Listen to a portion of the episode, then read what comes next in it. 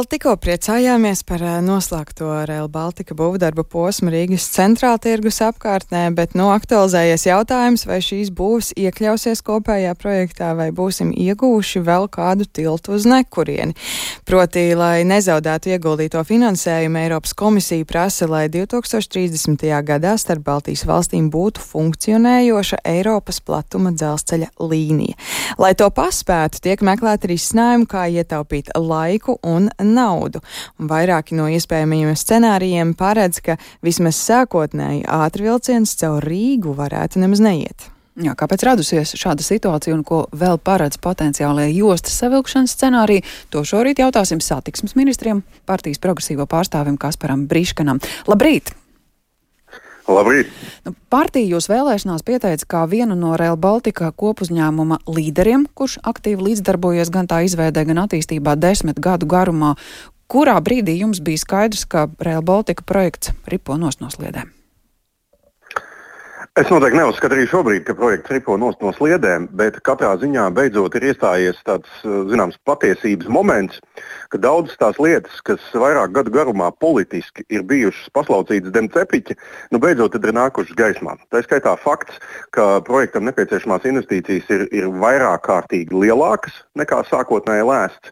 Un vienlaikus uh, ir parādījies, nu, ka tomēr tas pārvaldības mehānisms, kas laika gaitā ir veidojies, uh, viņš nav bijis ilgspējīgs. Viss šī sadrumstalotā sistēma, kur ir gan trīs valstu transporta ministrijas, gan tā saucamie nacionālie ieviesēji, kas Latvijas gadījumā ir Eiropas dzelzceļa līnijas, kas vienlaikus ir kopuzņēmumi, kurā es pats darbojos ilgus gadus, akcionāri Un tad ir, protams, pats kopuzņēmums, kuram sākotnēji, kad viņš 2014. gadā tika dibināts, eh, nu, bija paredzēts ļoti būtisks funkciju apjoms, bet, diemžēl, laika gaitā nu, valstis politiskā līmenī, tālāk arī šie nacionālie ieviesēji darīja visu, lai pēc iespējas mazinātu šī kopuzņēmuma ietekmi. Un te nu mēs esam nonākuši situācijā, ka šīs sadrumstalotās pārvaldības dēļ projekts ir gan kavējies, gan, protams, arī būtiski ir pieaugušas šīs investīciju vajadzības. Bet šobrīd tas viss ir arī jūsu politiskajā atbildībā. Līdz ar to jautājums par to, kas ir izskanējis, ka tiek apspriesti vairāki taupīšanas, laika un naudas taupīšanas scenāriji, vai kāds no tiem vispār paredz, ka sākotnējā posmā arī Rīgas centrālajā dzelzceļa stācijā piestās Rail Baltica, brauks pāri Daugavai un tālāk mēro šo ceļu. Vai kāds no projektiem to paredz? Jā, ir septiņi šobrīd scenāriji. Pagaidām viņi vēl nav uh, publiski prezentēti. To mēs noteikti izdarīsim uh, decembra laikā. Bet katrā ziņā uh, ir vairāki scenāriji, kas personīgi man nav pieņemami, kas paredz arī to, ka Real Baltica pamatlīnija pabrauc Rīgai garām. Nu, faktiski tiek izveidota tāda kauņas uh, Tallinas metro līnija, kur Latvijas pasažieri vismaz pirmajā fāzē, kas ir no 2030. gada līdz nezināmam laikam nākotnē, uh, iesēžās Real Baltica ātrgaitas vilcienā vai nu skultē, kur pat vēl nav savienojums starp 15, 20 platuma, platā, eh, platuma dzelzceļa tīklu un Real Baltica vai Salaspilī. Nu, skaidrs, ka tas ir, ir, ir eh, absolūti nepieņemams Latvijai risinājums. Viņš, protams, dotu zināmu uh, izmaksu ietaupījumu, bet katrā ziņā viņš sagrautu uh, jebkāda veida uh, savienojumību, ko Latvija iegūtu jau šajā pirmajā fāzē. Līdz ar to scenāriji ir dažādi. Ar scenārijiem šobrīd uh, strādā uh, ārējais uh, konsultants. Uh, katrā ziņā Latvija neviena nevienam no šiem scenārijiem šobrīd nav piekritusi. Un vēl jau vairāk mēs esam no savas puses, arī es kā ministrs esmu lūdzis, lai tiktu vērtēts arī tāds scenārijs, kas paredz vismaz daļēji Rīgas integrāciju, attiecīgi vismaz uh, vienas no mūsu starptautisko staciju savienošanu. Un mēs, protams, paralēli arī sadarbībā ar, ar Latvijas uh, uzņēmumiem, tā skaitā Latvijas dzelzceļu, ar, ar starptautisko kopuzņēmumu Real Baltica, ar Eiropas dzelzceļa līnijām, strādājam, lai sameklētu tomēr mehānismu, kā vismaz pagaidu veidā savienot arī Rīgas centrālo staciju.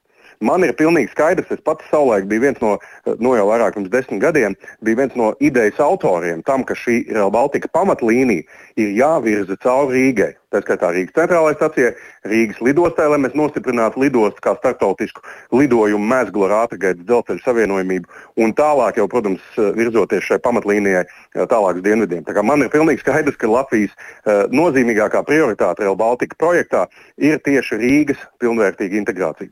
Nu, nevar jau arī būt tā, ka tikai no Rīgas centrālās stācijas aiziet tālāk sliedas uz, uz lidostu un visa pārējā pietrūkst. Cik liels ir tas naudas faktors šī jautājuma izlemšanā par labu Rīgai? Nu, kas ir svarīgi? Pirmkārt, visi scenāriji ir ļoti ambiciozi no laika termiņa viedokļa. Uh, nav tā, ka ir pilnīga garantija, ka līdz 2030 gadam pilnīgi visu ir iespējams uzbūvēt, pat tajā vis, vissašaurinātākajā versijā, kas pabrauc Rīgai garā.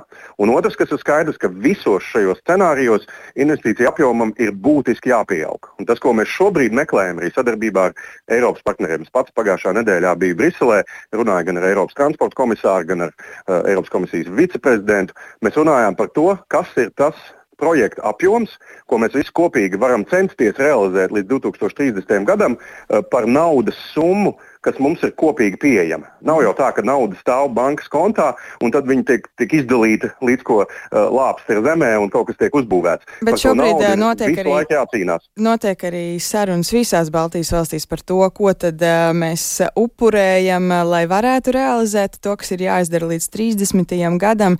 No visām trim Baltijas valstīm, uh, kā mēs izskatāmies, uh, no kā atsakās uh, Igaunija un Lietuva vai Latvija, varētu teikt, ir vājais posms, ja reiz mēs esam gatavi izskatīt scenāriju, kur vilciens nemaz neiziet cauri galvaspilsētu? Es jau iepriekš minēju, es politiski neatbalstu šādu veidu scenārijus, kur, kur Real Baltica pamatlīnija. Jā, bet salīdzinot ar, ar Lietuvu un, un Igauniju, Latvija šobrīd izskatās vājāk Real Baltica projektā? Nē, nu, ir, ir, es domāju, ka nē. Es domāju, ka beidzot Latvija ir atgriezusies šajā uh, projektā. Jo iepriekš, uh, vismaz no iekšpuses projektu vērojot, uh, Latvija bija tā no trīs Baltijas valstīm, kurai visvairāk sekmējās ar savas strateģiskās pozīcijas definēšanu, uh, ar kaut kādu plašāku izpratni par to, kas ir kopā kopējā projekta un arī Latvijas eh, intereses. Šajā gadījumā es domāju, mēs pietiekami niansēti saprotam šo projektu, lai zinātu, kas ir tās lietas, kuras ir iespējams pavirzīt otrajā fāzē šajā projektā, lai ietaupītu līdzekļus līdz 2030. gadam, un kas ir tās fundamentālās lietas, bez, me, bez kurām mēs nevaram iztikt. Es zinu, ka arī citās valstīs, piemēram, tiek runāts Lietuvā par to, ka šo kauņas viļņus apzaru varētu būvēt nākamajā fāzē. Tiek runāts arī par dažādiem risinājumiem, ka, piemēram, varētu būt uh, sākot nākotnē tikai viena sliežu klātne, nevis divu sliežu ceļš. Tas, protams, Jā. ļoti ietekmēs kādi būs, izbūvēt nākotnē. Kādi būs risinājumi, bet pavisam īsi, kad mēs zināsim, kā par Latvijas jautājumu, kad tie tiks izņemti? Mēs nu, šai, val, šai valdībai simts dienas aprit tieši Ziemassvētkos.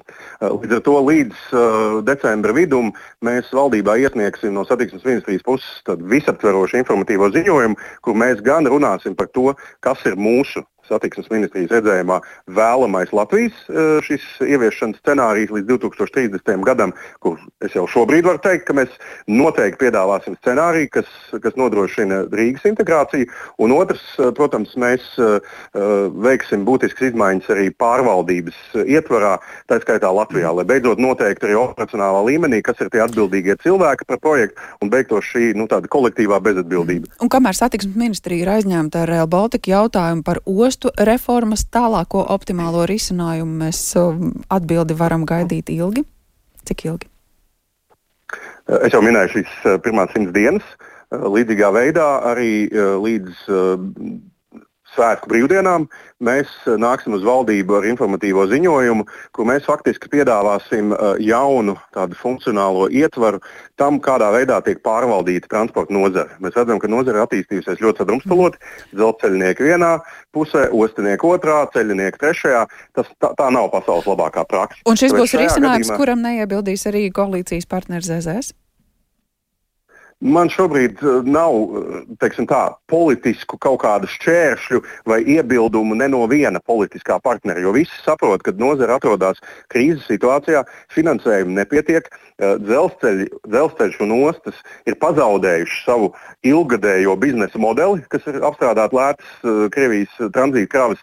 Līdz ar to visi meklē risinājumu, kas padarītu visu šīs dzelzceļa un ostas sistēmas ilgspējīgi attīstību. Tāpēc es skatos vairākos līmeņos un es arī redzēt, kas ir tā nākotnes uh, ostas specializācija, kā ostas var savstarpēji labāk sadarboties, kas ir tās funkcijas, kas vispār ostu pārvaldēm ir jāveic. Vai viss tas arsenāls, kas viņām ir šobrīd, pie tam ļoti tādā sadrumstalotā veidā, katrai ostai atsevišķi, vai tomēr ir funkcijas, ko mēs varam centralizēt, plānot sistēmiski. Tad, gaidīsim atbildes uz šiem jautājumiem un uh, gaidīsim tās simts uh, dienas. Paldies par uh, sarunu, teiksim, satiksmes ministram partijas progresīvo pārstāvim Kasparam Briškanam.